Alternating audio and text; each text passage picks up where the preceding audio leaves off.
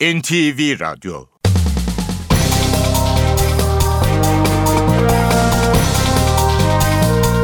İşe Giderken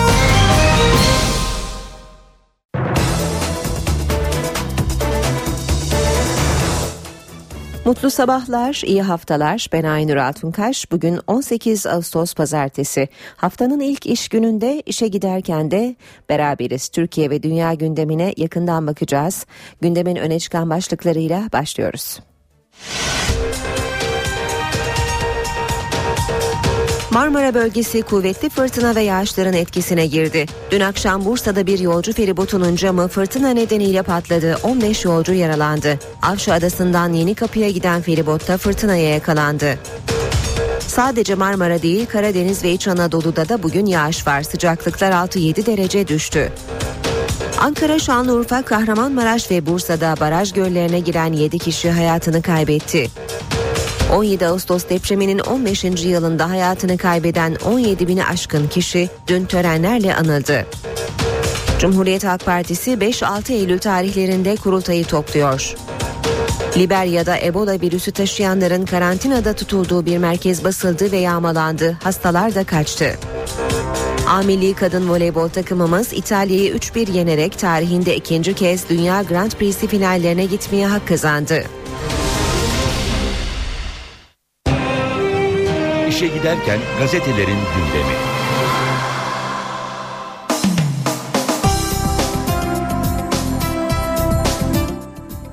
Basın özetleri Milliyet gazetesiyle başlıyor. Sincar Dağı'ndan izlenimler var. Milliyet'in manşetinde katliamdan arda kalanlar başlığıyla. Ölümün kol, e, kol gezdiği dağdan Namık Durukan'ın e, izlenimlerini okuyoruz. 2000 ezidi günah olmasına rağmen ilkel silahlarla nöbette 50 derece sıcakta çölde 6 saatlik bir yolculuktan sonra ulaşılıyor dağa. Çatışmalar sürüyor. Bazen IŞİD mevzilerinin 300 kilometre yakınından geçiliyor. En büyük korku güzergahı şaşırıp IŞİD'in olduğu yerlere girmek. Koçaköy'ündeki katliamda 80 Ezidi'nin katledildiği haberinin geldiği aktarılıyor.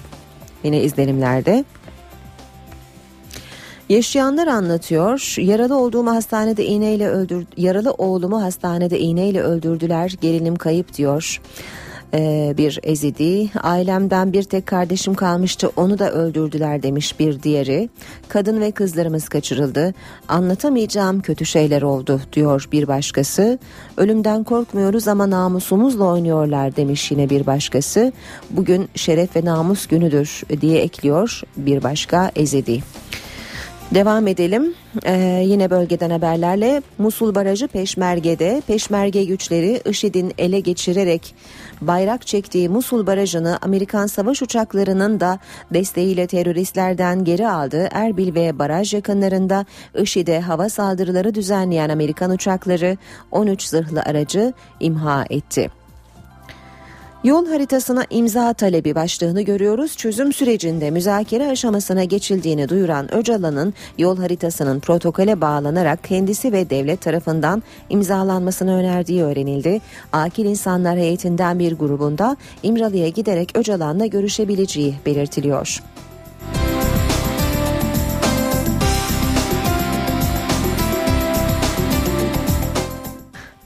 Milliyet gazetesinden haberler aktarmaya devam edelim. Türkiye dost ülke değil Frankfurter Allgemeine gazetesi Alman yetkilinin ağzından yazmış. Alman hükümet kaynakları Der Spiegel'in Almanya'nın 2009'dan bu yana Türkiye'yi dinlediği iddiasını doğruladı. Başbakan Merkel liderliğindeki CDU'ya yakınlığıyla bilinen Frankfurter Allgemeine gazetesine konuşan bir hükümet kaynağı dost ülkeler dinlenmiyor derken NATO üyeleri diye bir ifade kullanmadık. Türkiye, Amerika Birleşik Devletleri, Fransa ve İngiltere gibi müttefiklerimizle kıyaslanamaz kıyaslanamaz dedi. CDU'lu vekil Armin Schuster, Türkiye'nin jeopolitik açıdan önemli bir bölgede olduğunu ve Almanya'nın güvenliği açısından dinlemenin meşruluğunu savundu. Gazeteye göre Türkiye gizli servis tarafından izlenen çekirdek ülkelerin başında. Milliyet gazetesinden aktarmaya devam ediyoruz. Marmara'da feribot paniği. İstanbul ve Marmara'yı dün akşam saatlerinde fırtına vurdu. Buda'ya ait Mudanya İstanbul seferi yapan Emir Sultan feribotunun denizin ortasında ön camı patladı. İçeriye giren, e, geri dönen feribotta hafif yaralanan 17 yolcu hastaneye kaldırıldı. Fırtınaya yakalanan Avşa Yeni Kapı seferi yapan İdo feribotu da dalgalarla boğuştu. Yolcular can yeleklerini giyerken feribot daha sonra Yeni Kapı'ya yanaştı. Geçelim Hürriyet gazetesine. Ev satanlara fark vergisi diyor Hürriyet manşette. Şükrü Kızılot'un haberi. Diyelim ki 2012'de 250 bin liraya ev aldınız. Bugün 400 bine satıyorsunuz. Yeni emlak vergisi tablosunda evinizin fiyatı 700 bin lira görünüyor. İşte bu 300 bin liralık fark içinde gelir vergisi ödemek gerekiyor. Yine hürriyetten aktaralım. IŞİD'den kurtulan hastalıktan ölüyor. Ezidilerin salgın korkusu. IŞİD katliamından kurtulup Zaho'nun köylerine sığınan Ezidilerde ölümler başladı. Çocuklarda da karın ağrısı, ishal ve kusma var. Ne Arabist ne Kürdist. 2007-2011 Irak özel temsilciliği ardından Bağdat Büyükelçiliği yapan ve Kürt açılımının altyapısını hazırlayan kadroda çalışan Murat Özçelik izlenmesi gereken politikayı e, Cansu Çamlıbel'e aktarmış hürriyetten. Doğru politika ne Arabist ne de Kürdist politikadır. Doğru politika insanların çektiği ızdırabı ortadan kaldıracak, demokrat ve insan haklarına saygı duyan bir Türkiye'dir. Biz neden yanaydık? Herkes toprak bütünlüğü için de iyi yaşasın dedik. Atatürk Orman Çiftliği'nde gizemli yangın. Yeni Başbakanlık binasının karşısındaki Atatürk Orman Çiftliği arazisinde bilinmeyen bir nedenle yangın çıktı. Otluk alanda çıkan yangın rüzgarın da etkisiyle hızla yayıldı. İhbar üzerine olay yerine gelen Orman İşletme Müdürlüğü ve itfaiye ekipleri yangına müdahale etti. Alevlerden çok sayıda çam ağacı etkilendi. Geçelim Sabah gazetesine. Pensilvanya'nın kozmik ihaneti diyor sabah manşette. Gülen'in has adamı Akyürek enerjide kritik değişikliklerin yapıldığı 2009'dan itibaren Enerji Piyasası Düzenleme Kurumu yönetimini teknik takibe aldı diyor sabah haberinde. Buradan dinledi başlığını görüyoruz. Almanya Başbakanı Angela Merkel'in fotoğrafıyla Türkiye'yi dinleyen Alman telekulağı Bavyera'daki Bad Aibling uydu merkezi. Alman istihbarat servisi BND'nin Merkel hükümetinin emriyle Türkiye'yi dinlediğinin ortaya çıkması Almanya'yı karıştırdı. Hükümet yetkilileri dinlemeyi komik bir bahaneyle savunmaya çalıştı. Türkiye bir Amerika ya da İngiltere değil Türkiye ile ilgili her gelişme iç işlerimizi yakından ilgilendirir. Kandil'den dönüş provası silahlı eyleme bulaşmamış militanlardan yaşlı küçükler Türkiye'ye gönderiliyor. Çözüm sürecindeki tüm aşamaları içeren eş zamanlı takvim 1 Eylül Dünya Barış Günü'nde taraflarla paylaşılacak. Bu adım öncesinde dönüşüm provası olarak nitelenen bir gelişme yaşanıyor. PKK suça bulaşmamış yaşı küçük olanları Türkiye'ye göndermeye başladı. Cumhuriyet gazetesiyle devam edelim. Siyasi demeçle hareket edemez diyor Cumhuriyet manşette. Yargıtay Onursal Başkanı Sami Selçuk'tan yeni başkan Ali Alkan'a mesaj. 1 Eylül'deki adli yıl açılış törenine yönelik Barolar Birliği Başkanı Feyzioğlu katılırsa ben katılmam sözlerini Başkanlar Kurulu'na götürecek olan Yargıtay Başkanı Alkan'a Sami Selçuk sert tepki gösterdi. Selçuk Yargıtay siyasi bir kurum değil siyasi demeçle hareket etmez dedi. Muhalefet liste dışı kurultay 5-6 Eylül'de CHP Merkez Yönetim Kurulu olağanüstü kurultay tarihini 5-6 Eylül olarak belirledi. Mustafa Sarıgül'ü parti yönetimine alacağı dile getirilen Kemal Kılıçdaroğlu'nun parti içi muhalefeti etkisizleştirmek için kurultaya blok listeyle gitmesi bekleniyor. Bugün grup başkan vekilliğinden istifa edecek olan Muharrem İnce de genel başkan adaylığını açıklayacak. Adrese teslim edemedi. Gökçe'nin ihalesi iptal. Ankara Büyükşehir Belediyesi'nin adrese teslim ihalesi Kamu İhale Kurulu'ndan döndü. Su ve Kanalizasyon İdaresi Genel Müdürlüğü'nün 9 Haziran'daki özel güvenlik hizmet alımı ihalesi Kamu İhale kurulunca idarenin tek bir şirketi işaret ettiği gerekçesiyle iptal edildi. Devam edelim basın özetlerine Yeni Şafak gazetesiyle. Yeni Şafak'tan aktaracağımız haber işte yeni kabinenin 3 hedefi başlığını taşıyor. Erdoğan'ın köşke çıkmasının ardından göreve başlayacak 62. hükümetin programı da netleşti. Proaktif dış politika yürütecek yeni hükümetin diğer öncelikleri çözüm süreci ve istihdama dayalı ekonomi. Başbakanlık için Ahmet Davutoğlu'nun ismi üzerinde mutabakata varılırken Numan Kurtulmuş'la Yalçın Akdoğan'ın da kabinede yer alacağı belirtiliyor. Yeni kabine anayasa içinde adım atacak. Meclisteki uzlaşma arayışından sonuç çıkmazsa 2015 seçimlerinin sloganı Yeni Türkiye, Yeni Anayasa olacak. Habertürk'le devam ediyoruz. Paralel içinde bile paralel var diyor. Habertürk manşette Başbakanın baş danışmanı Hüseyin Besli'nin açıklamalarını görüyoruz. Paralel yapı AK Parti, Erdoğan ve Gül'e dair çarpıcı açıklamaları diyor Habertürk. Paralel yapıların kökü kazınmaz. Paralel içinden bile paralel çıkar karşılaşıyoruz. Biri birine liste götürüyor. Bunlar paralelci diye. Listeyi götüren paralelci çıkıyor. En kötüsü de uykuya yatacaklar.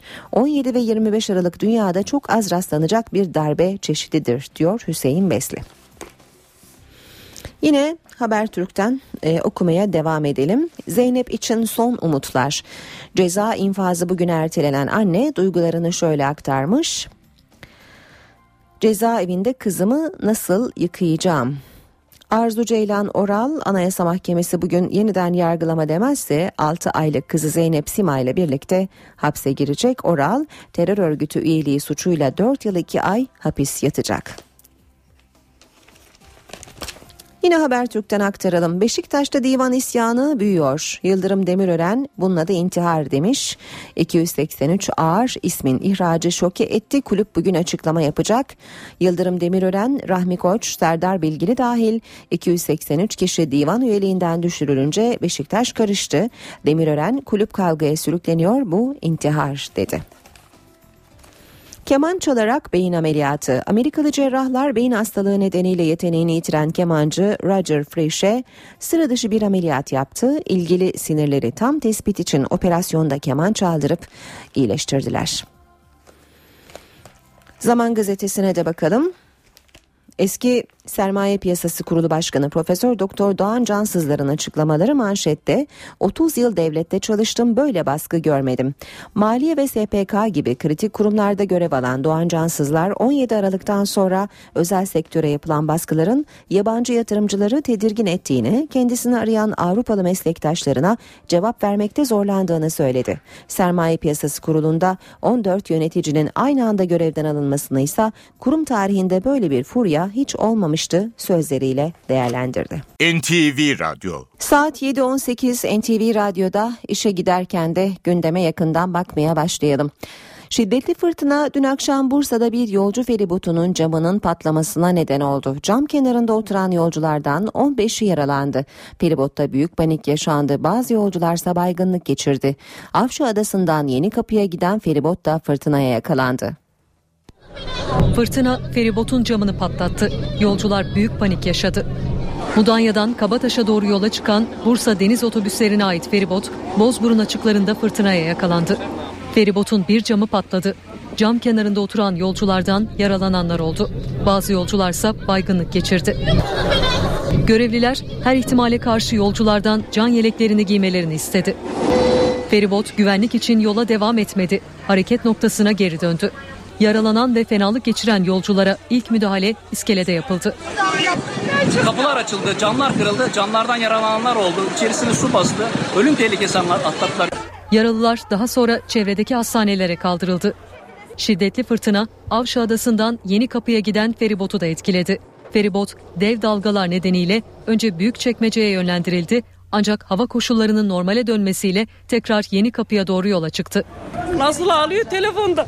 Büyük anne beni kurtardı. Nasıl ağlıyor ikisi iki tarafta. Çocukların yani Bizim bu acıyı çekmeye mecburiyetimiz ne? İptal etseler ne vardı sanki? İnanılmaz korkunçtu. Ee, bayağı uzun bir saat kaldık. Ee, başka bir şey yok yani dua ettik. Ne bir sağlık ekibi var ne bir şey var. Bildiğin ölümden dedik ya başka bir şey demiyorum ben. Aşırı sıcaklar batıda ara verdi. Marmara bölgesi Trakya'dan başlayarak kuvvetli yağışların etkisine girdi. Yağışla birlikte sıcaklık 6-7 derece azaldı. Marmara'da görülen yağışlar bugün Karadeniz ve İç Anadolu'yu da etkisi altına alacak. Sıcaklıklar yalnız Marmara'da değil Ege, Karadeniz ve İç Anadolu'da da mevsim normallerine inecek. Ankara'da ise bugün öğleden sonra sağanak yağmur bekleniyor. Ege'de fırtına da görülebilir. Doğu kesimlerde ise aşırı sıcaklar bir hafta daha devam edecek. Dört ilden yine boğulma haberleri geldi. Ankara, Şanlıurfa, Kahramanmaraş ve Bursa'da baraj göllerine giren 7 kişi hayatını kaybetti. Çocuğunu kurtarmak isterken kardeşiyle birlikte boğuldu.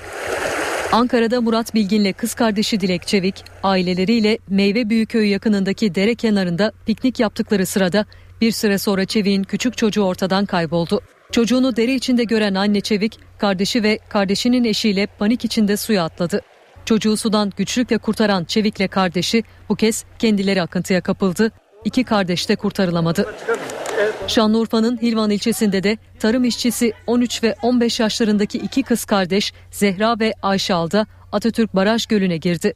Kıyıda yüzen kardeşler bir süre sonra akıntıya kapıldı. Aile jandarmaya haber verdi. Yapılan aramada iki kardeşin cesedine ulaşıldı.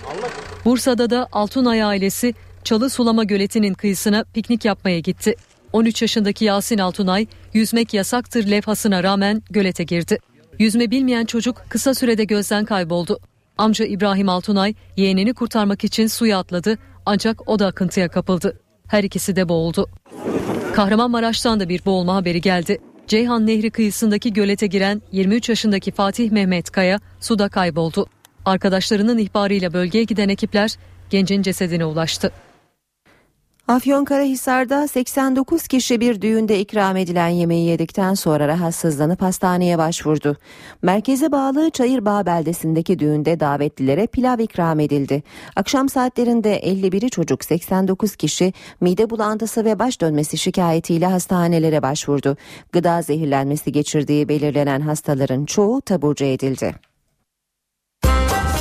İşe giderken Siyasetin gündemiyle devam edelim. Cumhuriyet Halk Partisi'nde kurultay tarihi belli oldu. Ana muhalefet partisi 5-6 Eylül tarihlerinde kurultayı toplayacak. CHP sözcüsü Haluk Koç'a göre kurultay parti içindeki tartışmaları bitirecek. Cumhuriyet Halk Partisi Sayın Genel Başkanı tüzükteki yetkisini kullanarak olağanüstü kurultay için çağrı yapmıştı. Cumhuriyet Halk Partisi'nin olağanüstü kurultayı 5-6 Eylül 2014 tarihlerinde Ankara'da Ankara Ticaret Odası Kongre Merkezi'nde yapılacaktır. Cumhurbaşkanı seçimi sonrası CHP'de başlayan tartışma süreci kurultayla devam ediyor. Artık tarihte belli. 1217 CHP delegesi 5-6 Eylül'de genel başkanlık ve parti meclisi için sandık başına gidecek. Cumhuriyet Halk Partisi 5-6 Eylül'de kendi e, Cumhurbaşkanlığı seçimi sonrası yaşanan tartışmaları noktalayacaktır. Kurultayda tüzük değişikliği de yapılacak. Mevcut tüzükte pratikte yaşanan bazı aksaklıkların giderilmesi yönünde bir iki adım atılacaktır. Kapsamlı bir değişiklik söz konusu değildir. Kurultay kararının alındığı MYK toplantısı öncesi genel merkezin dikkat çeken bir ziyaretçisi vardı. Mustafa Sarıgül, Genel Başkan Kemal Kılıçdaroğlu ile görüştü. Sarıgül'ün Kılıçdaroğlu'na destek verdiği öğrenildi. Ve muhalif kanat. CHP Grup Başkan Vekili Muharrem İnce kurultay kararını Twitter'da değerlendirdi. Önemli olan işte kement, işte boynum asarsa, işte hançer, işte kellem keserse dönen dönsün ben dönmezem yolundan diyen Pir Sultan'ın deyişini bilmek değil, onun gibi her koşulda dik durmaktır mesajını paylaştı. Muhalifler tek aday etrafında birleşmeyi hedefliyor. Muharrem İnce, Emine Ülker Tarhan ve Metin Feyzioğlu'nun isimleri ön planda. Ancak kulislerde mevcut delege yapısının Kılıçdaroğlu'ndan yana olduğu belirtiliyor. Recep Tayyip Erdoğan'ın 28 Ağustos'ta köşke çıkmasının ardından AK Parti lider, liderliğine kimin geleceği tartışılıyor. Yeni liderin belirlenme sürecinde kriz yaşandığı iddialarına AK Parti tepkili. Kültür ve Turizm Bakanı Ömer Çelik ile Başbakan Erdoğan'ın siyasi başdanışmanı Yalçın Akdoğan iddiaları yalanladı. Her iki isimde sorun yok mesajı verdi. Biz şu anki durumu bir kriz olarak algılamıyoruz mesela. Yani biz bir krizin içerisinde olduğumuzu düşünmüyoruz. Kültür ve Turizm Bakanı Ömer Çelik, AK Parti'de lider tartışması yaşanıyor iddiasına tepki gösterdi. Çelik, TV24'de konuştu. Herhangi bir problem yok ve olmayacak ifadesini kullandı. Herhangi bir şekilde bir türbülansın içerisinde olduğumuzu düşünmüyoruz. Son derece berrak bir zihinle, son derece rahat bir şekilde yönettiğimiz bir, bir süreç. Dışarıda yansıyan tartışmalar var. Tabii ki bu tartışmaları dikkatle izliyoruz. Bu tartışmalarla ilgili parti içerisinde bir sendrom ya da bir travma oluşmamasına büyük özen gösteriyoruz. AK Parti 27 Ağustos'ta düzenlenecek olağanüstü kongrede yeni genel başkanı ve başbakanı belirleyecek. Başbakan Recep Tayyip Erdoğan'ın siyasi başdanışmanı AK Parti Ankara Milletvekili Yalçın Akdoğan, kongrede belirlenecek ismin sonuna kadar arkasında olacakları mesajını verdi. Perşembe günü MYK toplanacak. Bütün temayülleri değerlendirip bir karara varacak ve açıklanacak. Kim olursa olsun gözden düşürülmeden, küçümsenmeden, üzerinde herhangi bir spekülasyon yapılmadan arkasında durulacaktır. En ufak bir sıkıntı yaşanacağını düşünmüyorum. Akdoğan, AK Parti için bir çekişme yaşanıyor algısının yaratılmak istendiğini söyledi. Böyle bir şey yok, bu operasyon tutmaz dedi. Cumhurbaşkanı seçimi yeni bir tartışmayı da beraberinde getirdi. Türkiye'nin 12. Cumhurbaşkanı seçilen Recep Tayyip Erdoğan'ın başbakanlık görevi ne zaman sona erecek? Muhalefete göre seçimin kesin sonuçlarının açıklanmasıyla Erdoğan'ın milletvekilliği ve başbakanlığı düştü. CHP sözcüsü Haluk Koç bu durumu hukuk darbesi olarak nitelendirdi. Şu anda Türkiye'de fiili bir darbe sürecinin yaşandığıdır. Bunu çok açık söylüyorum. Cuma günü akşamdan itibaren Yüksek Seçim Kurulu'nun Türkiye Büyük Millet Meclisi Başkanı'na Cumhurbaşkanlığı seçim mazbatasını sunmasından itibaren Cumhurbaşkanı seçilen Sayın Recep Tayyip Erdoğan'ın Türkiye Büyük Millet Meclisi üyeliği, milletvekili sıfatı, başbakanlık sıfatı ve parti genel başkanlığı sıfatı yani partililik sıfatı düşmüştür. Şu anda Recep Tayyip Erdoğan'ın demin söylediğim sıfatlar çerçevesinde attığı her adım hukuken boştadır. Bunun çok ciddi bir şekilde Türkiye'de mevcut anayasanın ihlali bakımından bir suç olduğunu hatırlatmak istiyorum. Mecliste grubu bulunan 4 partinin grup başkan vekilleri geçen hafta sona eren 24. dönem 4. yasama yılını değerlendirdi. İktidar muhalefeti, muhalefetse iktidarı eleştirdi. AK Parti Grup Başkan Vekili Belma Satır, önemli düzenlemeleri hayata geçirdiklerini söyledi. Görüşmeleri bir sonraki döneme kalan torba yasanın ise muhalefetin tavrı yüzünden meclisten henüz geçmediğini savundu. CHP Grup Başkan Vekili Engin Altay ise AK Parti'yi anayasaya aykırı düzenlemeler yapmakla suçladı. HDP'nin hedefinde ise AK Parti vardı. Grup Başkan Vekili İdris Baluken bu yasama yılında meclis gündemine gelen düzenlemeler düzenlemelerin iktidarın politikalarına hizmet edecek düzenlemeler olduğunu söyledi. MHP Grup Başkan Vekili Oktay Burasa bu yasama yılında cezaevinde bulunan tüm tutuklu milletvekillerinin serbest kalmasından duyduğu memnuniyeti dile getirdi. İşe giderken Meclisin torba tasarı yasalaşmadan tatile girmesi bu ay sonunda yapılması planlanan 40 bin öğretmen atamasını erteleyecek mi? Öğretmen adaylarını rahatlatan açıklama Milli Eğitim Bakanı Nabi Avcı'dan geldi. Bakan Avcı bu konuda takvimin aksamaması için gerekli girişimlerde bulunacaklarını söyledi. Yeni Cumhurbaşkanı Recep Tayyip Erdoğan'ın yemini için 28 Ağustos'ta toplanacak genel kurula bir ek gündem maddesi getirilebileceğini söyleyen Avcı, muhalefet partilerinin de bu konuda gereken gereken hassasiyeti göstereceklerini umuyorum dedi. Milli Eğitim Bakanlığı öğrenci, veli, öğretmen ve idarecilere TEOK uygulamasına benzer bir sistem üniversiteye girişte de uygulanmalı mı diye sordu. Resmi okulların %60'ı, özel okulların ise %45'i sistemi destekliyor. Bakanlık bu yıl ilk kez uygulanan temel eğitimden orta öğretime geçiş sistemine ilişkin bir rapor hazırladı. 9 ilde yapılan çalıştaylar sonucu hazırlanan rapora göre TEOK'la sınavların öğrenci üzerindeki baskısı azaldı, öğrencilerin okula devamı arttı. Ayrıca resmi okullar %65 oranında, özel okullar ise %45 oranında TEOG'a benzer bir sistemin üniversiteye geçişte de uygulanmasını destekliyor. Çalıştaylarda bu sorunun yöneltilmesi Milli Eğitim Bakanlığı'nın bu yönde bir çalışma yürüttüğünü de doğruluyor.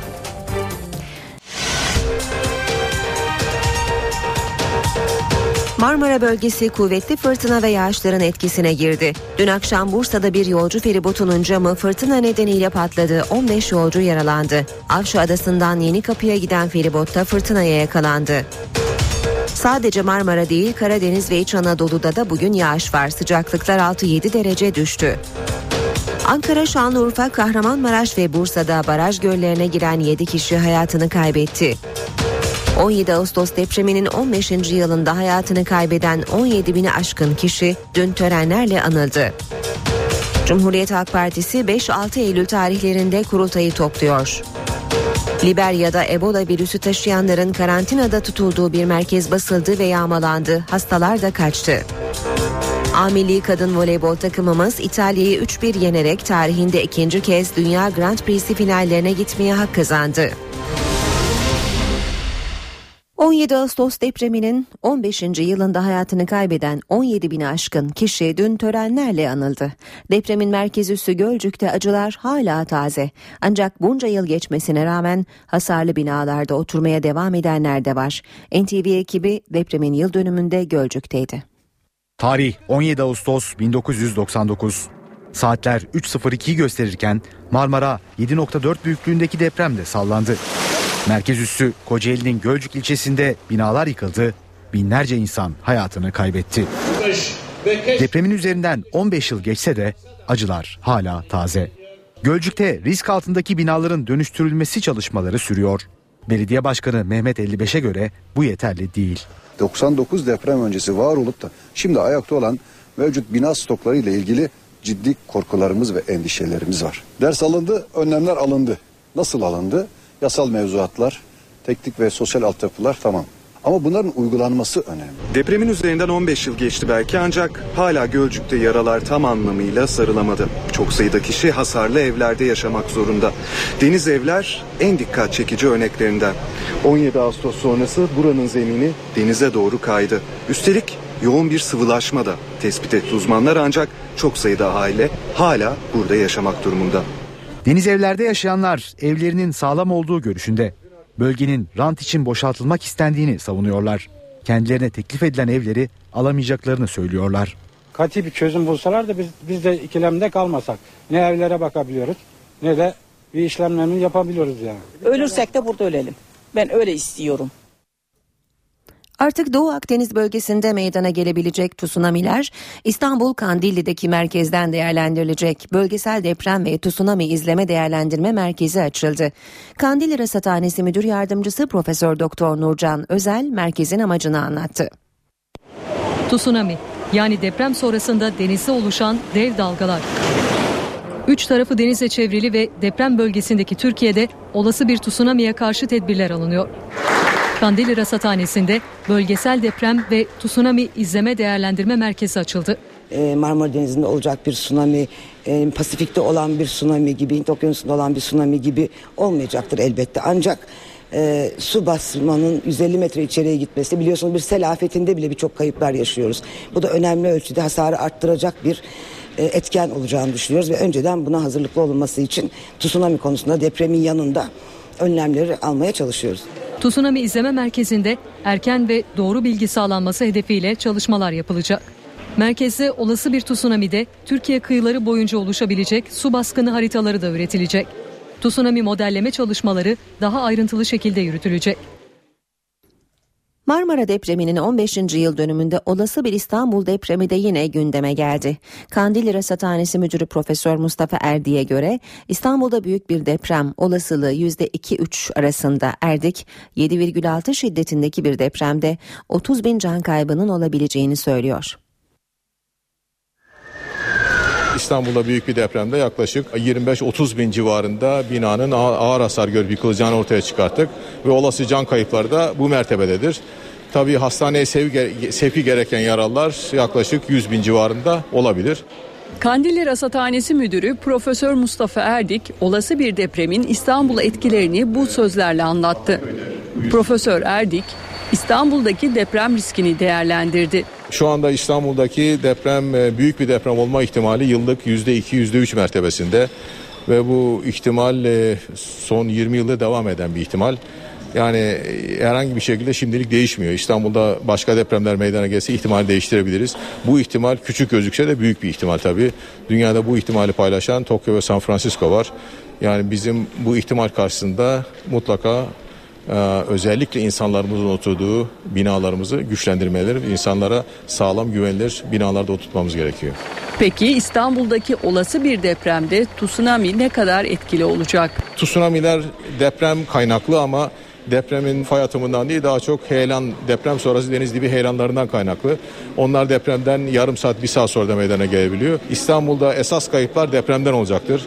Tsunami kaynaklı kayıplar daha çok deniz kıyısında bulunan e, enstalasyonlarımızda olabilir. Mesela bunlar arasında Tuzlu olabilir, bunlar arasında Ambarlı olabilir. Oralarda tedbir alınacak. Zonguldak'ta kaçak kömür ocağında göçük oldu. Bir işçi hayatını kaybetti. Kırat mahallesindeki ruhsatsız kömür ocağında çökme oldu. O sırada ocakta çalışan 26 yaşındaki işçi Erdal Kaşıkçıoğlu göçük altında kaldı. Göçükten çıkarılan işçi kaldırıldığı hastanede hayatını kaybetti. Çalışma ve Sosyal Güvenlik Bakanlığı 2014 yılında maden denetimlerini sıklaştırdı. Bu yılın ilk 7 ayında 92 maden ocağı kapatıldı. Ölümlü iş kazalarının en fazla yaşandığı madencilik ve taş ocakçılığı sektörü yakın takipte. Çalışma ve Sosyal Güvenlik Bakanlığı 2014 yılının ilk 7 ayında 92 maden ocağını kapattı. Çalışma ve Sosyal Güvenlik Bakanlığı İş Teftiş Kurulu Başkanlığı Türkiye'nin dört bir yanındaki maden ocaklarını teftiş etti. Bu yılın Ocak-Temmuz döneminde çalışanlar için hayati tehlike arz eden 92 maden ocağını tespit eden İş Teftiş Kurulu bu ocaklarda faaliyetin durdurulmasına karar verdi. Ocaklardan 11'i Edirne, 10'u Zonguldak, 7'si Tekirdağ, 6'sı Ankara ve İstanbul, 5'i Kütahya, Kocaeli ve Manisa'da faaliyet gösteriyordu. Söz konusu ocakların işletmelerine idari para cezaları da kesilirken sonraki süreçte yapılan kontrol amaçlı teftişlerde işletmelerin durdurma kararlarına muhalefet edip etmedikleri ise ayrıca rapor edildi. Bir diğer adımda Soma'da 301 işçinin hayatını kaybettiği maden kazasının ardından hazırlanan madencilerin çalışma koşulları ve sosyal hakları konusundaki tasarı. Yeni yasama yılında hayata girmesi beklenen torba yasayla yer altında çalışma süresi haftada 30 saati geçemeyecek. Madencilerin emeklilik yaşı ise 50 olacak. Yıpranma payı da dikkate alındığında madenciler 43 yaşında emekli olabilecekler. Düzenlemede madencilik sektöründe taşeron işçi çalıştırılmasının da önüne geçiliyor.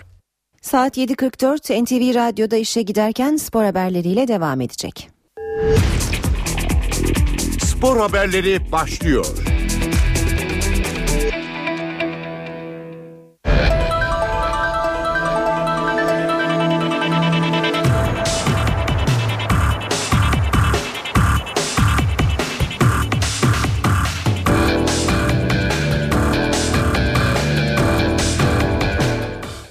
Günaydın spor gündeminden gelişmelerle birlikteyiz. Voleybolla başlıyoruz bültenimize. Amili kadın voleybol takımımız tarihinde ikinci kez Dünya Grand Prix'si finallerine gitmeye hak kazandı.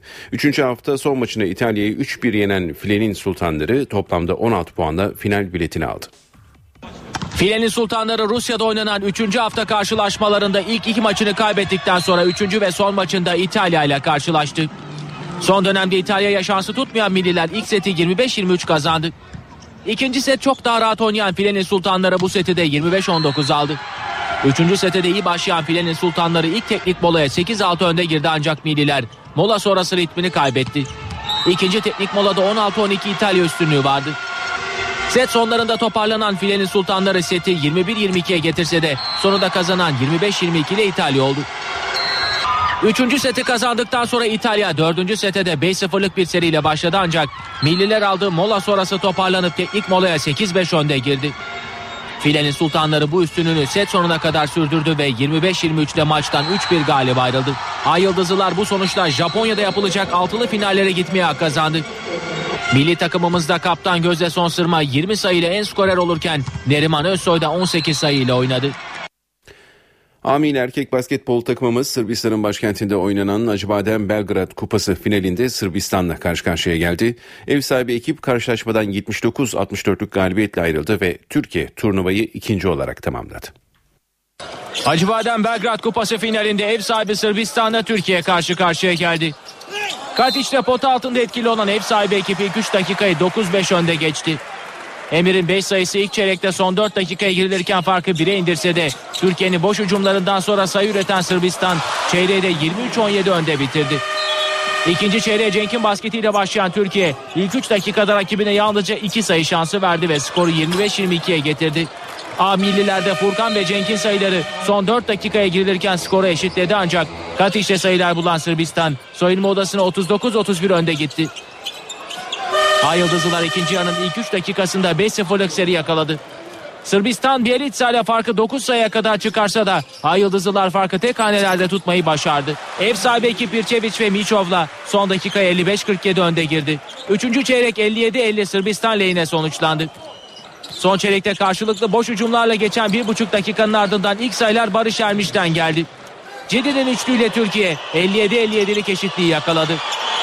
Ay Yıldızlılar ilk bölümde rakibine yalnızca iki sayı şansı verse de Bogdanovic'in üst üste bulduğu 5 sayıyla toparlanan Sırbistan son 4 dakikayı 66-61 önde girdi. Bu dakikadan sonra fark açan ev sahibi ekip karşılaşmadan 79-64'lük galibiyetle ayrıldı. Ve futbola geçiyoruz. Beşiktaş'ta başlıyoruz. Beşiktaş'ta Atiba Hutchinson seferberliği yaşanıyor. Adele sakatlığı yaşanan Hutchinson'ın Arsenal maçına yetişmesi için kulüp doktorları yoğun çaba sarf ediyor. Beşiktaş'ta Atiba'nın sakatlığı moralleri bozdu. Sol üst adelesinde zar yırtığı tespit edilen Kanadalı oyuncunun Arsenal karşısında oynaması zora girdi. 31 yaşındaki futbolcunun tedavisi devam ederken Arsenal karşısında sahada olup olmayacağı maç günü yapılacak kontrollerin ardından netleşecek. Feyenoord maçlarında iyi performans sergileyen Atiba'nın Arsenal karşısında forma giymemesi durumunda orta sahada Necip Veli ikilisi görev yapacak. Siyah beyazlarda Atiba dışında eksik futbolcu bulunmuyor. Teknik direktör Slaven Bilic'in hücum hattında Mustafa ve Dembaba'ya, orta sahanın kanatlarında ise Olcay ve Kerim'e şans vermesi bekleniyor. Bonservis alınan Gökhan Tören'in ilk 11'de oynama durumu ise henüz netleşmedi. Slaven Bilic defans hattını ise Serdar, Franco, Ersan ve Motta'dan kurmayı planlıyor. Fenerbahçe'de İsmail Kartal mutluluğu yaşanıyor. Sarı lacivertlerin Olympiakos karşısında ortaya koyduğu futbol yönetimi ve taraftarı memnun etti. Fenerbahçe İsmail Kartal yönetiminde çıktığı ilk karşılaşmada Olympiakos'u 2-1 yenerken performansıyla taraftarına umut verdi. Hafta boyunca teknik direktör olarak çıktığı antrenmanlarda futbolcularla tek tek ilgilenen ve birebir konuşmalar yapan Kartal oyuncularına isteklerini anlatmıştı. Ersun Yanal dönemindeki takım şablonunu bozmadan daha fazla ayağa pas yapan bir oyun isteyen Kartal henüz ilk karşılaşmada bu isteğinin meyvelerini aldı. Maç sırasında İsmail Kartal'la sürekli iletişim halinde olan Hollandalı Dirk Kuyt sezon boyunca deneyimli teknik adamın saha içindeki komutanı olacağının sinyallerini verdi. Öte yandan Olympiakos karşısında alınan galibiyetin yanı sıra oyuncuların istekli görüntüsü ve İsmail Kartal'la iletişimleri yöneticilerin yüzünü güldürürken Başkan Aziz Yıldırım'ı da memnun etti. Fenerbahçe Roma yolcusu Sarı lacivertli takım Salih Uçan'ın forma giydiği Roma ile yarın oynayacağı özel maç için bugün İtalya'ya gidecek. Sezon başında Sarı lacivertli takımdan İtalyan ekibine kiralanan Salih Uçan'ın da forma giydiği Roma ile karşılaşacak. Fenerbahçe Galatasaray ile 25 Ağustos'ta oynayacağı Süper Kup, Kupa maçı öncesi son ciddi sınavını vermiş olacak. Roma Olimpiyat Stadında oynanacak maç için bugün Roma'ya uçacak. Sarı lacivertli takım son antrenmanını ise bu sabah Can Bartu tesislerinde yapacak. Teknik direktörlüğe getirilen İsmail Kart Kartal'la ilk maçında Olympiakos'u 2-1 mağlup eden Sarı Lacivertler Roma karşısında yeni sezon öncesi son durumu görme fırsatı yakalayacak. Galatasaray.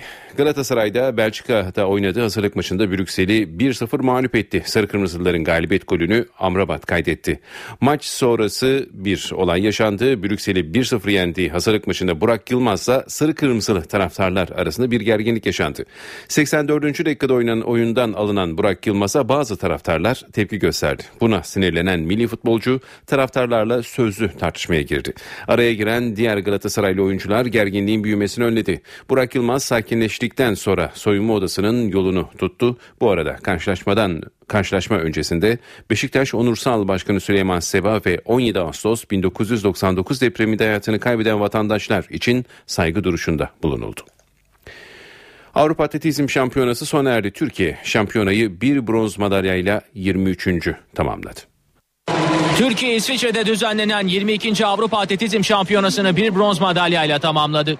Zürih kentindeki Letzigrund stadında yapılan şampiyonada Türkiye 33 sporcuyla yer alırken Helsinki'deki 2012 ve Barcelona'daki 2010 Avrupa Atletizm şampiyonalarıyla kıyaslandığında kötü bir performans göstererek sadece bir bronz madalya ile organizasyonu noktaladı. Toplam 5 Türk sporcu 6 branşta finalde mücadele etti. Erkekler 3000 metre engelli finalinde Tarık Langatak'ta. Erkekler 5000 ve 10000 metre finalinde Ali Kaya. Erkekler 200 metre finalinde Ramil Guliyev. Kadınlar 3000 metre engelli finalinde Özlem Kaya ve kadınlar 5000 metre finalinde Gamze Bulut yarışırken Türk atletlerden sadece erkekler 10.000 metrede Ali Kaya bronz madalya kazanma başarısı gösterdi. Kadınlar maratonunda da 5000 ve 10.000 metrelerde olimpiyat ikinciliği ve Avrupa şampiyonlukları bulunan Elvana Belegesi ilk kez milli takım düzeyinde yarıştığı maratonda 2.29.46'lık derecesiyle mücadeleyi 5. sırada tamamladı. Türkiye 41 sporcuyla katıldığı Helsinki'deki 2012 Avrupa Atletizm Şampiyonası'nı 4 altın, 2 gümüş ve 1 bronz olmak üzere 7 madalya ile tamamlamıştı. İspanya'nın Barcelona kentinde düzenlenen 2010 Avrupa Atletizm Şampiyonası'nda ise Türkiye 3 altın ve 1 gümüş madalya kazanmıştı. Bu haberimizi spor bültenimizi tamamlıyoruz. İyi günler diliyoruz. NTV Radyo Herkese yeniden günaydın. İşe giderken de yeni saati karşılıyoruz. Birazdan Gökhan Abur'la son hava tahminlerini konuşacağız. Önce gündemin başlıkları. Marmara bölgesi kuvvetli fırtına ve yağışların etkisine girdi. Dün akşam Bursa'da bir yolcu feribotunun camı fırtına nedeniyle patladı. 15 yolcu yaralandı. Avşa Adası'ndan Yeni Kapı'ya giden feribotta fırtınaya yakalandı. Sadece Marmara değil Karadeniz ve İç Anadolu'da da bugün yağış var. Sıcaklıklar 6-7 derece düştü. Ankara, Şanlıurfa, Kahramanmaraş ve Bursa'da baraj göllerine giren 7 kişi hayatını kaybetti. 17 Ağustos depreminin 15. yılında hayatını kaybeden 17 bini aşkın kişi dün törenlerle anıldı. Cumhuriyet Halk Partisi 5-6 Eylül tarihlerinde kurultayı topluyor. Liberya'da Ebola virüsü taşıyanların karantinada tutulduğu bir merkez basıldı ve yağmalandı. Hastalar da kaçtı. A kadın voleybol takımımız İtalya'yı 3-1 yenerek tarihinde ikinci kez Dünya Grand Prix'si finallerine gitmeye hak kazandı. Şimdi hava durumu için Gökhan Abur'la beraberiz. Günaydın, hoş geldiniz. Günaydın. Ee, beklediğimiz yağmur ve rüzgar geldi. Gerçi dün biraz daha erken bekliyorduk ama e, İstanbul'a geç geldi. E, fakat e, fırtına hakikaten çok etkiliydi. Az önce haberlerde de aktardığımız gibi Marmara Denizi'nde feribotlar da etkilendi e, bu fırtınadan. E, sıcaklıklar da tabii ki düştü. Şimdi bu yeni hava şartları e, tam olarak nedir ve ne kadar devam edecek? Evet şu anda şu anda son haberde de e, bugün bazı hatlar yine iptal durumda. Özellikle e, Yeni Kapı Bandırma Evet 8.30'a kadarki yani o seferler, iptal. iptal şu anda. Çünkü rüzgar hakikaten Marmara'nın içinde sert esmeye devam ediyor. Ee, bu saatler itibariyle yağışın giderek etkisini kaybettiğini görüyorum. Oysa bir, bir, birkaç gün önceki tahminlerimizde şu saatlerde yağışın kuvvetli şekilde devam etmesi öngörülmüştü. Ama hafifleyerek İstanbul başta olmak üzere biraz daha doğuya doğru kaydı. Yağış İstanbul'un doğu ilçelerinde aralıklara devam edecek. E, Pendik, Kartal, Tuzla arasındaki bölgeden e, Kocaeli'ne doğru ilerliyor. Önümüzdeki saatler içinde Marmara'nın doğusunda ve özellikle Batı Karadeniz bölgesindeki bu yağışların kuvvetlenmesini bekliyoruz. Burada e, Karadeniz üzerinde bulunan çok yoğun bulut kümesi kuzeyli rüzgarlarla bölgeyi etkisi altına alacak ve Batı Karadeniz bölgesindeki sağanaklar kuvvetlenecek. Şu an itibariyle e, Bursa, Gemlik, e, Yalova arasındaki bölgede aralıklarla yağış devam ediyor gözüküyor. Son radar görüntülerine göre ama Trakya'da yağış etkisini kaybetti. Peki İstanbul'da da bugün içinde etkisini tamamen kaybedecek mi? İlerleyen saatlerde giderek yavaşlayacak. Yani akşam saatlerinde yağışın etkisini kaybetmesini bekliyoruz. Yarın çok hafif yağış geçişi görülebilir. Ama yarın sıcaklık bugüne göre 1-2 derece artacak. Bugün İstanbul'da beklediğimiz en yüksek sıcaklık 27 derece. Yarın 28'lere çıkacak. Çarşamba yine biraz yükselecek fakat perşembeden sonra özellikle cuma, cumartesi, pazar günü yeniden İstanbul başta olmak üzere Marmara'da sıcaklıklar yükselecek. Tabii yalnız Marmara'da değil. İlk yükseliş Ege'de ve Akdeniz'de başlayacak. Bugün için e, İç Anadolu bölgenin doğusu özellikle Doğu Anadolu ve Güneydoğu'da çok yüksek sıcaklıklar var. Bunaltıcılık bir hayli fazla. 40 derecenin üzerine çıkan sıcaklıklar görülecek Güneydoğu bölgemizde. Rüzgarlar kuvvetli demiştim. Öğle saatlerinde Poyraz biraz sertleşecek. Şu anda yıldız yıldız Poyraz gibi esen bir rüzgar var Marmara içinde. Bu rüzgar önümüzdeki saatlerde giderek kuvvetlenecek ve Poyraz tabii ki hissedilen sıcaklıkları da azaltacak. Bugün İstanbullular daha serin bir havayla haftaya başlamış olacaklar. Evet. Ankara'da ise sıcaklıklar mevsim ortalamanın gene birkaç derece üzerinde. Bugün beklediğimiz sıcaklık en fazla 33-34'e kadar çıkacak. İzmir'de ise yine 32-33 derecelik sıcaklık var. Hava genellikle açık az bulutlu olacak. Antalya'da 33-34'ler görülecek.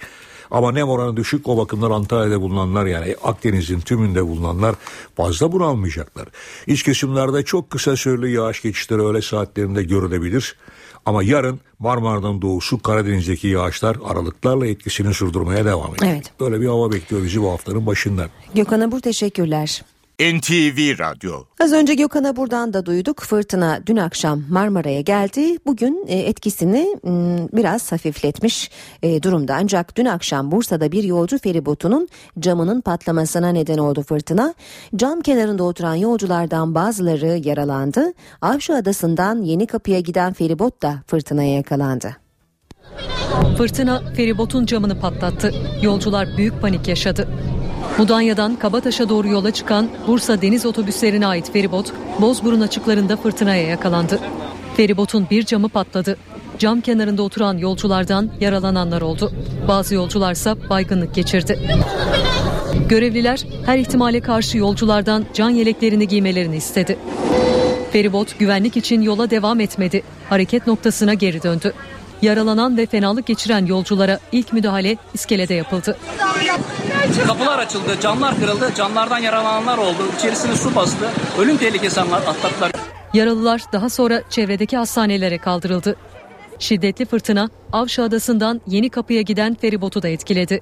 Feribot dev dalgalar nedeniyle önce büyük çekmeceye yönlendirildi ancak hava koşullarının normale dönmesiyle tekrar Yeni Kapı'ya doğru yola çıktı. Nasıl ağlıyor telefonda. Büyük anne beni kurtardı. Nasıl ağlıyor ikisi iki tarafta. Çocukların yani Bizim bu acıyı çekmeye mecburiyetimiz ne? İptal etseler ne vardı sanki? İnanılmaz korkunçtu. Ee, bayağı uzun bir saat kaldık. Ee, başka bir şey yok yani dua ettik. Ve Ne bir sağlık ekibi var ne bir şey var. Bildiğin ölümden döndük ya başka bir şey demiyorum ben. Marmara'da olumsuz hava koşulları nedeniyle bazı deniz otobüsü seferleri de iptal edildi. İDO'dan yapılan açıklamaya göre sabah 7-7.30'da Esenköy Kumla ve Armutlu'dan Bostancı Kadıköy ve Yenikapı'ya gerçekleşecek deniz otobüsü seferleri iptal edildi. Saat 8-8.30'da yapılması planlanan Bostancı Yenikapı Avşa ile Bursa Yenikapı Kadıköy seferleri de yapılamayacak. İşe giderken Siyasetle devam ediyoruz. CHP'de kurultay tarihi belli oldu. Ana muhalefet partisi 5-6 Eylül tarihlerinde kurultayı toplayacak. CHP sözcüsü Haluk Koç'a göre kurultay parti içindeki tartışmaları bitirecek. Cumhuriyet Halk Partisi Sayın Genel Başkanı tüzükteki yetkisini kullanarak olağanüstü kurultay için çağrı yapmıştı. Cumhuriyet Halk Partisi'nin olağanüstü kurultayı 5-6 Eylül 2014 tarihlerinde Ankara'da Ankara Ticaret Odası Kongre Merkezi'nde yapılacaktır. Cumhurbaşkanı seçimi sonrası CHP'de başlayan tartışma süreci kurultayla devam ediyor. Artık tarih de belli. 1217 CHP delegesi 5-6 Eylül'de genel başkanlık ve parti meclisi için sandık başına gidecek. Cumhuriyet Halk Partisi e, 5-6 Eylül'de kendi e, Cumhurbaşkanlığı seçimi sonrası yaşanan tartışmaları noktalayacaktır. Kurultayda tüzük değişikliği de yapılacak. Mevcut tüzükte pratikte yaşanan bazı aksaklıkların giderilmesi yönünde bir iki adım atılacaktır. Kapsamlı bir değişiklik söz konusu değildir. Kurultay kararının alındığı MYK toplantısı öncesi genel merkezin dikkat çeken bir ziyaretçisi vardı. Mustafa Sarıgül, Genel Başkan Kemal Kılıçdaroğlu ile görüştü. Sarıgül'ün Kılıçdaroğlu'na destek verdiği öğrenildi. Ve muhalif kanat. CHP Grup Başkan Vekili Muharrem İnce kurultay kararını Twitter'da değerlendirdi. Önemli olan işte kement, işte boynum asarsa, işte hançer, işte kellem keserse dönen dönsün ben dönmezem yolundan diyen Pir Sultan'ın deyişini bilmek değil, onun gibi her koşulda dik durmaktır mesajını paylaştı. Muhalifler tek aday etrafında birleşmeyi hedefliyor. Muharrem İnce, Emine Ülker Tarhan ve Metin Feyzioğlu'nun isimleri ön planda. Ancak kulislerde mevcut delege yapısının Kılıçdaroğlu'ndan yana olduğu belirtiliyor. Recep Tayyip Erdoğan'ın 28 Ağustos'ta köşke çıkmasının ardından AK Parti liderliğine kimin geleceği tartışılıyor. Yeni liderin belirlenme sürecinde kriz yaşandığı iddialarına AK Parti tepkili. Kültür ve Turizm Bakanı Ömer Çelik'le Başbakan Erdoğan'ın siyasi başdanışmanı Yalçın Akdoğan iddiaları yalanladı. Her iki isim de sorun yok mesajı verdi. Biz şu anki durumu bir kriz olarak algılamıyoruz mesela. Yani biz bir krizin içerisinde olduğumuzu düşünmüyoruz. Kültür ve Turizm Bakanı Ömer Çelik, AK Parti'de lider tartışması yaşanıyor iddiasına tepki gösterdi. Çelik, TV24'de konuştu. herhangi bir problem yok ve olmayacak ifadesini kullandı. Herhangi bir şekilde bir türbülansın içerisinde olduğumuzu düşünmüyoruz. Son derece berrak bir zihinle, son derece rahat bir şekilde yönettiğimiz bir, bir süreç. Dışarıda yansıyan tartışmalar var. Tabii ki bu tartışmaları dikkatle izliyoruz. Bu tartışmalarla ilgili parti içerisinde bir sendrom ya da bir travma oluşmamasına büyük özen gösteriyoruz. AK Parti 27 Ağustos'ta düzenlenecek olağanüstü kongrede yeni genel başkanı ve başbakanı belirleyecek. Başbakan Recep Tayyip Erdoğan'ın siyasi başdanışmanı AK Parti Ankara Milletvekili Yalçın Akdoğan, kongrede belirlenecek ismin sonuna kadar arkasında olacakları mesajını verdi. Perşembe günü MYK toplanacak. Bütün temayülleri değerlendirip bir karara varacak ve açıklanacak. Kim olursa olsun gözden düşürülmeden, küçümsenmeden, üzerinde herhangi bir spekülasyon yapılmadan arkasında durulacaktır. En ufak bir sıkıntı yaşanacağını düşünmüyorum. Akdoğan, AK Parti için bir çekişme yaşanıyor algısının yaratılmak istendiğini söyledi. Böyle bir şey yok, bu operasyon tutmaz dedi. Cumhurbaşkanı seçimi yeni bir tartışmayı da beraberinde getirdi. Türkiye'nin 12. Cumhurbaşkanı seçilen Recep Tayyip Erdoğan'ın başbakanlık görevi ne zaman sona erecek? Muhalefete göre seçimin kesin sonuçlarının açıklanmasıyla Erdoğan'ın milletvekilliği ve başbakanlığı düştü. CHP sözcüsü Haluk Koç bu durumu hukuk darbesi olarak nitelendirdi. Şu anda Türkiye'de fiili bir darbe sürecinin yaşandığıdır. Bunu çok açık söylüyorum.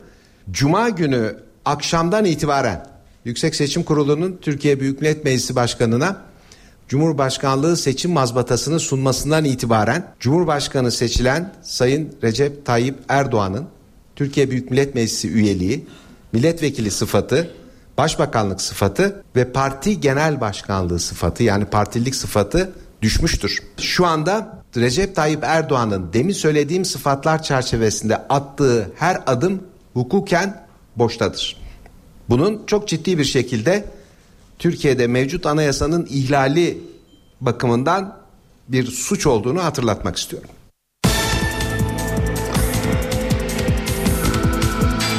İşe giderken Ve Irak'taki gelişmelere bakalım. Peşmerge kuvvetleri Irak Şam İslam Devleti örgütünün kontrolündeki Musul Barajı'nın büyük kısmını yeniden ele geçirdiğini duyurdu. Peşmergelerin barajın çevresini mayınlardan temizlediği ve bu nedenle tam kontrolün zaman alacağı açıklandı. Dün sabah saatlerinde peşmergeler barajı geri almak için Amerikan hava destekli operasyon başlatmıştı. Beyaz Saray, Amerika Başkanı Barack Obama'nın Musul Barajı çevresindeki IŞİD güçlerine saldırı emri verdiğini açıkladı. Amerika, IŞİD'e yönelik 14 hava bombardımanı düzenlediğini ve operasyonda IŞİD'e ait 10 zırhlı araç, 7 Humvee tipi cip, 2 personel aracıyla bir IŞİD kontrol noktasının vurulduğunu duyurdu. Kuzey Irak'a su ve elektrik sağlayan stratejik öneme sahip Musul Barajı'nın IŞİD 7 Ağustos'ta ele geçirmişti. Barajı IŞİD'in elinden alan Peşmerge'nin tüm gücünü Sincar'a yönlendirmesi bekleniyor. Irak Şam İslam Devleti örgütü tehdidi altındaki Ezidiler Irak sınırından Türkiye'ye geçmek istedi. Ancak Peşmerge kuvvetleri Ezidilerin geçişine izin vermeyince ortam aniden gerildi. Irak Şam İslam Devleti örgütünün ilerleyişi en çok Ezidilere zarar veriyor. IŞİD tehdidinden kaçmak isteyen onlarca Ezidi Irak'ı terk etmek istiyor. Irak'ta yaşamak istemiyoruz. Irak bizi sattı. Sincar'daki Ezid erkekler öldürüldü. Kadınlar da kaçırıldı. Artık Irak'ı istemiyoruz. Ezidiler ellerinde Ezidi çocukları soykırımdan kurtar yazılı pankartlarla yaşananları protesto etti. Bunun üzerine Ezidiler ve güvenlik güçleri arasında kısa süreli arbede yaşandı. Irak'tan ayrılmak istemeyen 55 Ezidinin ise Peşmerge tarafından ailelerini korumak için askeri eğitime alındığı belirtiliyor. IŞİD'in 3 Ağustos'ta Peşmerge korumasındaki Sincar ilçesini almasının ardından yüzlerce Ezidi IŞİD tarafından öldürülmüştü. Binlerce Ezidi ise Sincar dağlarına kaçarak açlık ve susuzluktan hayatını kaybetmişti. Alman istihbaratının Türkiye'yi dinlediği iddiası ülkede tartışma yarattı. Alman muhalefeti Başbakan Angela Merkel'den açıklama istedi. Medyada dinlemenin halen devam ettiğini ileri sürdü. Alman istihbaratının Türkiye'yi dinlediği iddiası tartışmaları da beraberinde getirdi. Muhalefetteki Sol Parti'nin eş başkanı Katya Kipping, hükümetten iddiaları açıklığa kavuşturmasını ve federal meclise kapsamlı bilgi vermesini istedi. Kipping, Alman istihbaratının müttefik ülkeleri dinlediğini, Almanya hükümetinin ne zamandan bu yana bildiğini de açıklamasını talep etti. Yeşiller Partisi'nin eş başkanı Simone Peter de bir yıldan fazla Amerikan Ulusal Güvenlik Teşkilatı skandalını tartıştıktan sonra gizli servisimizin müttefik bir ülkeye yönelik istihbaratta bulunması inanılmaz dedi. Koalisyon ortağı Sosyal Demokrat Parti milletvekillerinden Rolf Mützenich de Almanya'nın NATO müttefiki Türkiye ile güvene dayalı bir ilişki yürütmesi gerektiğini vurguladı. Konu Alman medyasının da en üst sıralarında. İddiayı gündeme getiren Der Spiegel dergisine göre Alman istihbaratı hükümet tarafından 2009 yılında kendisine verilen talimat gereği Türkiye'ye yönelik istihbarat ve dinleme faaliyetlerini yürütmeye devam ediyor. Dergi bu bilginin Amerika Birleşik Devletleri adına casusluk yapma şüphesiyle 3 Temmuz'da gözaltına alınan Alman ajanın Amerikalılara vermiş olduğu gizli belgelerde yer aldığını ileri sürdü. Frankfurter Allgemeine Zeitung gazetesi de hükümet kaynaklarının Alman istihbaratına Türkiye'ye yönelik istihbarat faaliyetleri için görevlendirme verildiğini doğruladığını belirtti. Almanya Başbakanı Angela Merkel geçen yıl cep telefonunun Amerikan Ulusal Güvenlik Teşkilatı tarafından dinlendiğinin ortaya çıkması üzerine müttefiklerin birbirlerine karşı istihbarat faaliyetinde bulunması söz konusu olamaz demişti. NTV Radyo 8.23 oldu saat başkent gündemiyle işe giderken devam edecek karşımızda NTV muhabiri Özden Erkuş var. Özden günaydın başkent yeni haftaya nasıl başlıyor? Günaydın Aynur. Şu Ankara'dan günaydın ve iyi haftalar aynı zamanda. Yoğun bir hafta adım atmaya hazırlanıyor yine başkent. Cumhurbaşkanlığı seçiminin ardından iktidar cephesindeki genel başkan ve başbakan kim olacak sorusu. Ana muhalefet cephesinde geri sayım başlayan kurultay süreci ve Irak'taki gelişmeler bu haftada öne çıkacak başlıklar arasında. AK Parti'de gözler bugünden Perşembe günü yapılacak Merkez Yürütme Kurulu toplantısına çevrilmiş durumda. Yanıt aranan soru Recep Tayyip Erdoğan'ın ardından AK Parti'nin yeni genel başkanı ve başbakan kim olacak sorusu. Bu toplantıya Başbakan Erdoğan başkanlık edecek ama öncesinde kısa bir tatilde olacak Başbakan ve Perşembe gününe kadar istirahatini sürdürmesini bekliyoruz. Ana muhalefet cephesinde ise ana gündem kurultay. Dün CHP Merkez Yönetim Kurulu noktayı koydu. CHP 5-6 Eylül'de tarihlerinde olağanüstü kurultayını topluyor. Artık akıllardaki soru Kemal Kılıçdaroğlu'nun karşısına kim ya da kimler çıkacak sorusu. Parti yönetimi hamlesini yaptı. Şimdi muhaliflerden hamle bekleniyor. Bu bağlamda Kılıçdaroğlu'nun karşısına çıkacak isimlerden biri olarak gösterilen Muharrem İnce'nin atacağı adım Ankara'da bugün yakından takip edilecek. CHP Grup Başkan Vekili Muharrem İnce'nin istifa edip etmeyeceği Ankara'da bugün yanıt aranan bir başka soru olacak. Bugün Türkiye Büyük Millet Meclisi'nde de çoğunlukla CHP konuşulacak gibi zira CHP'den tam 5 isim meclis basın toplantı salonundaki kürsü de yerini alacak. Bugün CHP Genel Başkan Yardımcıları Faruk Loğlu ve Sezgin Tanrıkulu'yla Milletvekilleri Huşet Güneş, Hüseyin Aygün ve Nur Serter kameraların karşısına geçecekler. Başta Cumhurbaşkanlığı seçimi sonrası CHP'de yaşananlar olmak üzere gündemdeki gelişmeleri değerlendirmelerini ve soruları yanıtlamalarını bekliyoruz. Ve Ankara'dan son not Enerji Bakanı'nın bir programı Enerji Bakanı Taner Yıldız, Türkiye Mermer Doğaltaş ve Makineleri Üreticileri Birliği yönetim kurulu üyelerini kabul edecek ve Enerji Bakanı'nın da bu kabulde soruları yanıtlamasını bekliyoruz. Bugün Ankara'da gündemden çıkan başlıklar böyle olacak. Teşekkürler Özden. Özden Erkuş başkent gündemini aktardı. Ekonomiyle devam edelim. Profesör Doktor Güngör Uras bize bu sabah üretici fiyatlarını anlatacak. Ayşe teyze ne yapsın? Güngör Uras, Ayşe teyze ekonomide olan biteni anlatıyor. Merhaba sayın dinleyenler, merhaba Ayşe Hanım teyze, merhaba Ali Rıza Bey amca. Enflasyonu tüketici fiyatları endeksindeki değişimden izliyoruz. Her ay bu endeksle aynı gün yayınlanan üretici fiyatları endeksindeki değişimler dikkatimizden kaçıyor. Halbuki tüketici fiyatlarının enflasyonun arkasındaki güç üretici fiyatlarıdır. Tüketici fiyatlarını enflasyonu büyük ölçüde üretici fiyatlarındaki değişim belirler. Üretici fiyatlarındaki artış yavaşlamadan bu artış durmadan enflasyonun gerilemesine imkan olmayacak. Üretici fiyatlarındaki değişimi Türkiye İstatistik Kurumu'nun derlediği yurt içi üretici fiyatlarından izliyoruz. Üretici fiyatlarının oluşumunda imalat sanayi ürünlerinin ağırlığı yüzde 85 dolayında. Gıda ürünlerinin ağırlığı ise yüzde 20 olarak belirlenmiş.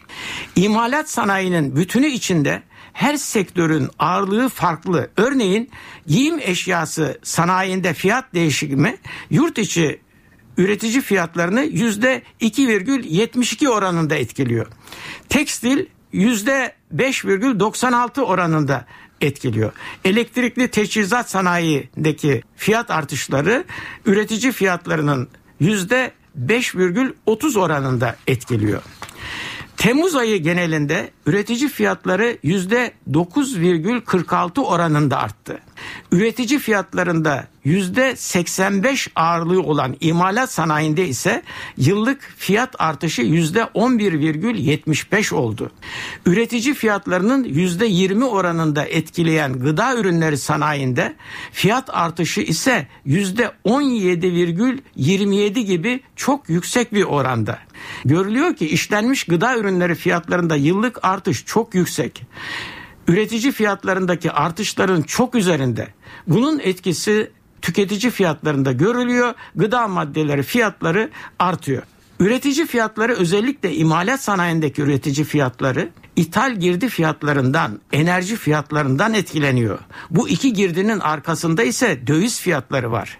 İmalat sanayinde ürün maliyetinde ithal girdinin ve enerjinin payı çok yüksek. Döviz fiyatlarındaki artış ithal girdi fiyatlarının yükselmesine yol açıyor.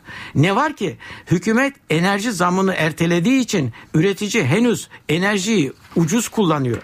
İmalat sanayi ürünlerinde yıllık artış yüzde 11.75 iken enerji maliyetlerinde yıllık artış yok. Tam tersine yıllık yüzde 5 oranında gerileme var.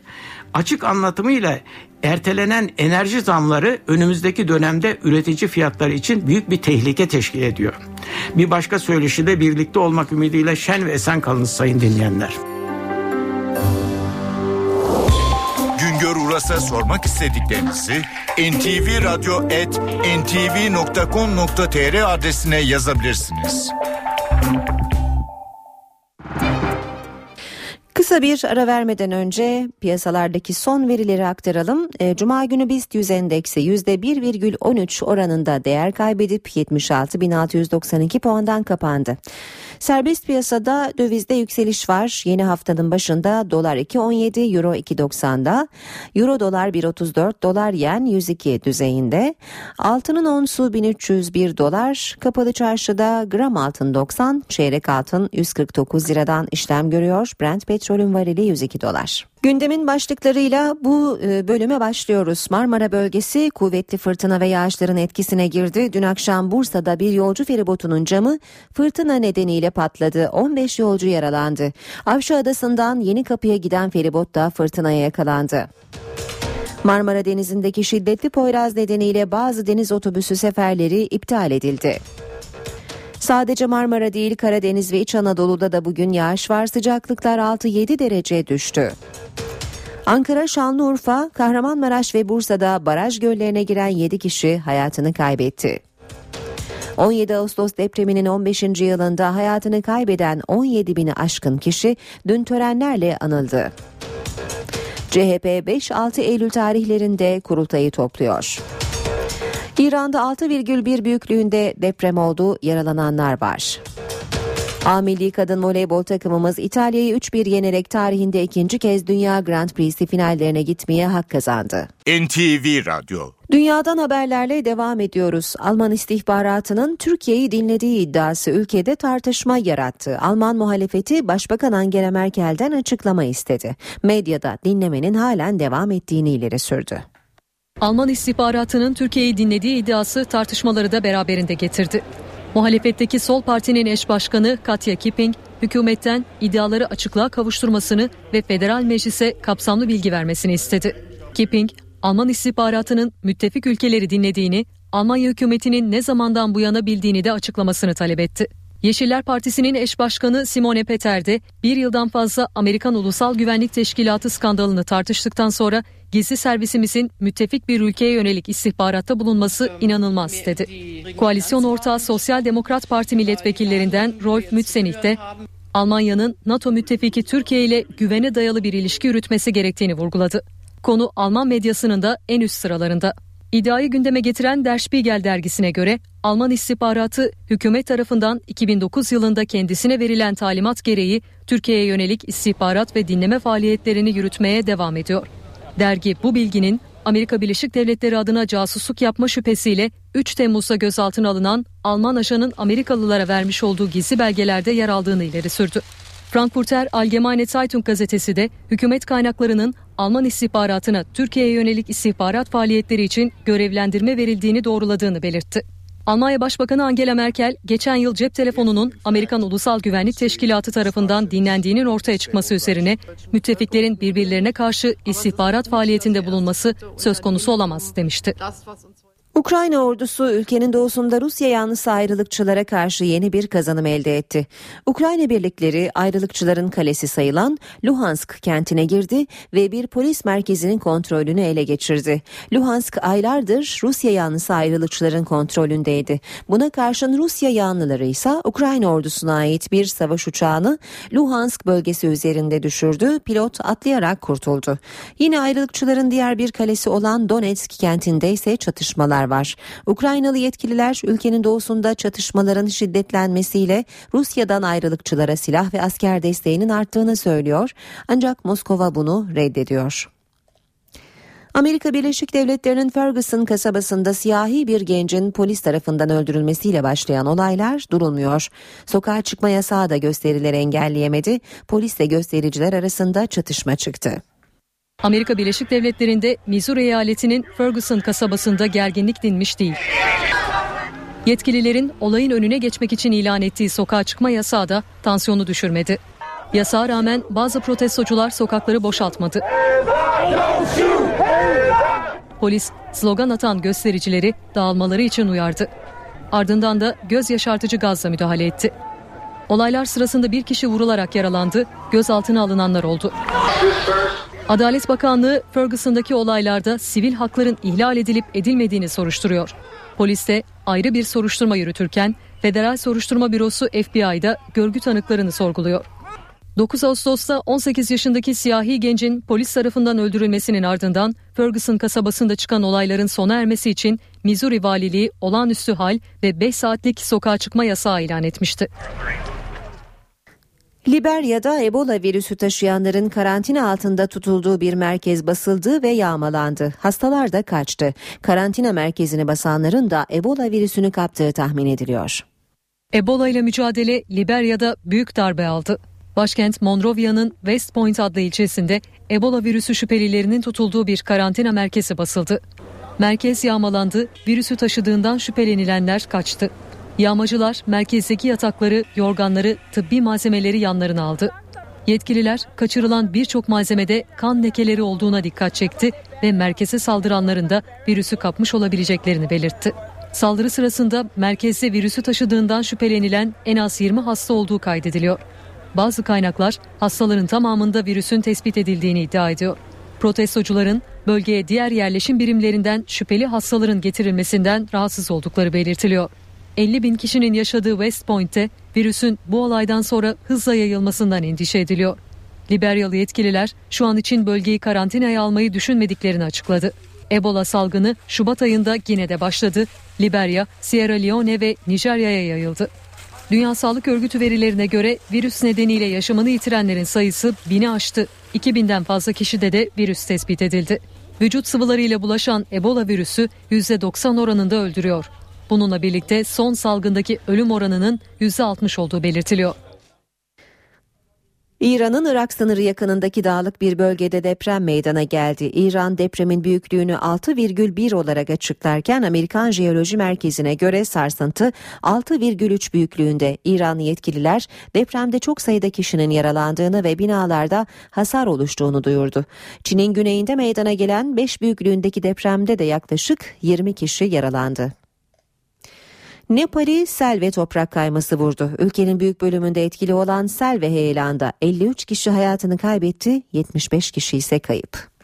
Nepal'de sağanak yağış sel ve toprak kaymasına neden oldu. Üç gündür etkili olan muson yağmurları sonucu taşan nehirler köyleri yuttu. Uyuyordum. Evi su bastığını fark ettim. Çocukları kurtardım ama eşyalar kaldı.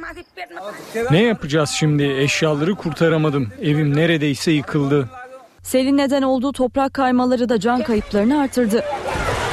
Dağlık bölgelerdeki yerleşim birimleriyle iletişim kesildi.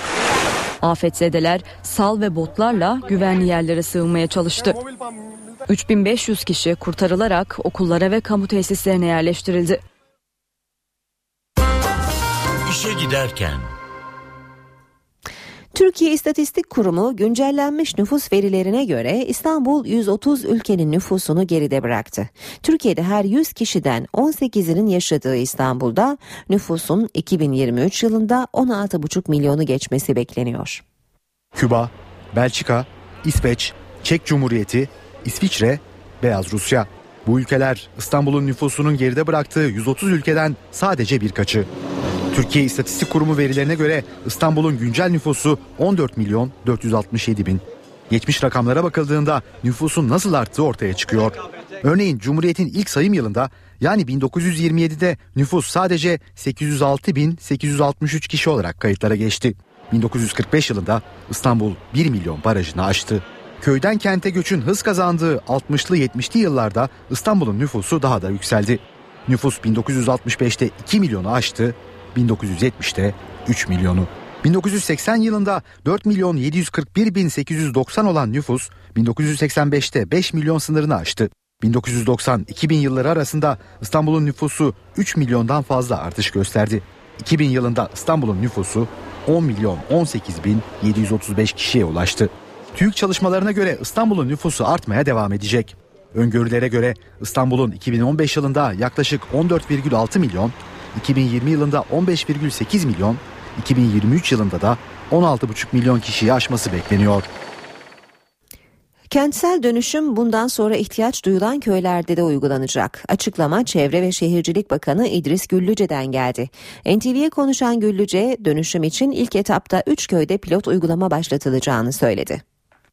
Artık köylerde kentsel dönüşüm kapsamında Çevre ve Şehircilik Bakanlığı binalarında sorun tespit edilen yaklaşık 40 bin köyü mercek altına aldı. Anadolu köylerinin bazı bölgelerdeki köylerde depreme bile gerek kalmadan toprakla e, duvar örülmüş e, ve üstüne gene toprak olan son derece gayri sıhhi ve kendiliğinden bir uzun süre kar kalkmadığı zaman yıkılan binaları olan köylerimiz var bizim. E, o bakımdan bizim aynı zamanda köylerin de dönüşümüne e, adım atmamız lazım. Bununla ilgili hem yasal e, ihtiyaç var hem de ekonomik ihtiyaç var. Dönüşüm projesi için 3 pilot köy seçildi. Köye uygun binalar inşa edilecek, gerekirse yerleşim yeri değişecek. Nasıl yapılırsa daha düzgün olur. Yöresel o yerin mimarisine uygun, hayat tarzına uygun binalar yapmak zorundasınız. Sadece yıkıp yapmak değil, o köylünün ihtiyacını karşılayacak olan binalar yapmalısınız. Yaşanabilir binalar olmalı, güçlü binalar olmalı ama onun ihtiyaçlarına cevap veren binalar olmalı. Şehirleri yenilerken köylerin tümünün planlarını çıkarıp, yerleşim planlarını çıkarıp, e, yerinin belki değişmesi gerekiyorsa nereye yerleşeceğinin hazırlıklarını yapan işimiz bir hayli yoğun olacak burada. Kentsel dönüşüm yasasının hayata girdiği 2012 yılından bu yana 22.817 riskli bina tespit edildi. Bunlardan 3.335'i yıkıldı. Toplam 41.403 kalıcı konut inşa edildi. Türkiye'nin asabı son 5 yılda 3 kat daha bozuldu. Sağlık Bakanlığı'nın psikoloji haritası bu sonucu gösteriyor. Hem başvuru sayısında hem de antidepresan kullanımında ilk sırada yer alan şehir İstanbul. Türkiye'nin psikolojisi son 5 yılda daha da bozuldu. Son 5 yılda psikolojik sorunlar nedeniyle hastaneye gidenlerin sayısı 3 kat arttı. Sağlık Bakanlığı'nın hazırladığı psikolojik haritaya göre 2013 yılında 13 milyon 163 bin 101 kişi sağlık kuruluşlarına başvurdu. Psikolojisi en çok bozulanlar İstanbul'da yaşıyor. İstanbul'da 1 milyon 498 bin 340 kişi psikolojik rahatsızlık nedeniyle sağlık kuruluşlarının kapısını çaldı. Sağlık kuruluşuna en az başvuran il Bayburt oldu. 2013'te Bayburt'ta 6730 kişi psikolojik rahatsızlıkları nedeniyle sağlık kuruluşuna gitti. Araştırma il il antidepresan ilaç tüketimine ilişkin de verileri ortaya çıkardı. İlk sırada yine İstanbul var. İstanbul'da bir yılda 6 milyon 523 bin 5 kutu antidepresan tüketildi. En az tüketimse 20 bin 14 kutuyla Hakkari oldu. Bu haberle işe giderken sona eriyor. Ben Aynur Altunkaş. Saat başında haber merkezi kuşağında buluşmak üzere. Hoşçakalın. NTV Radyo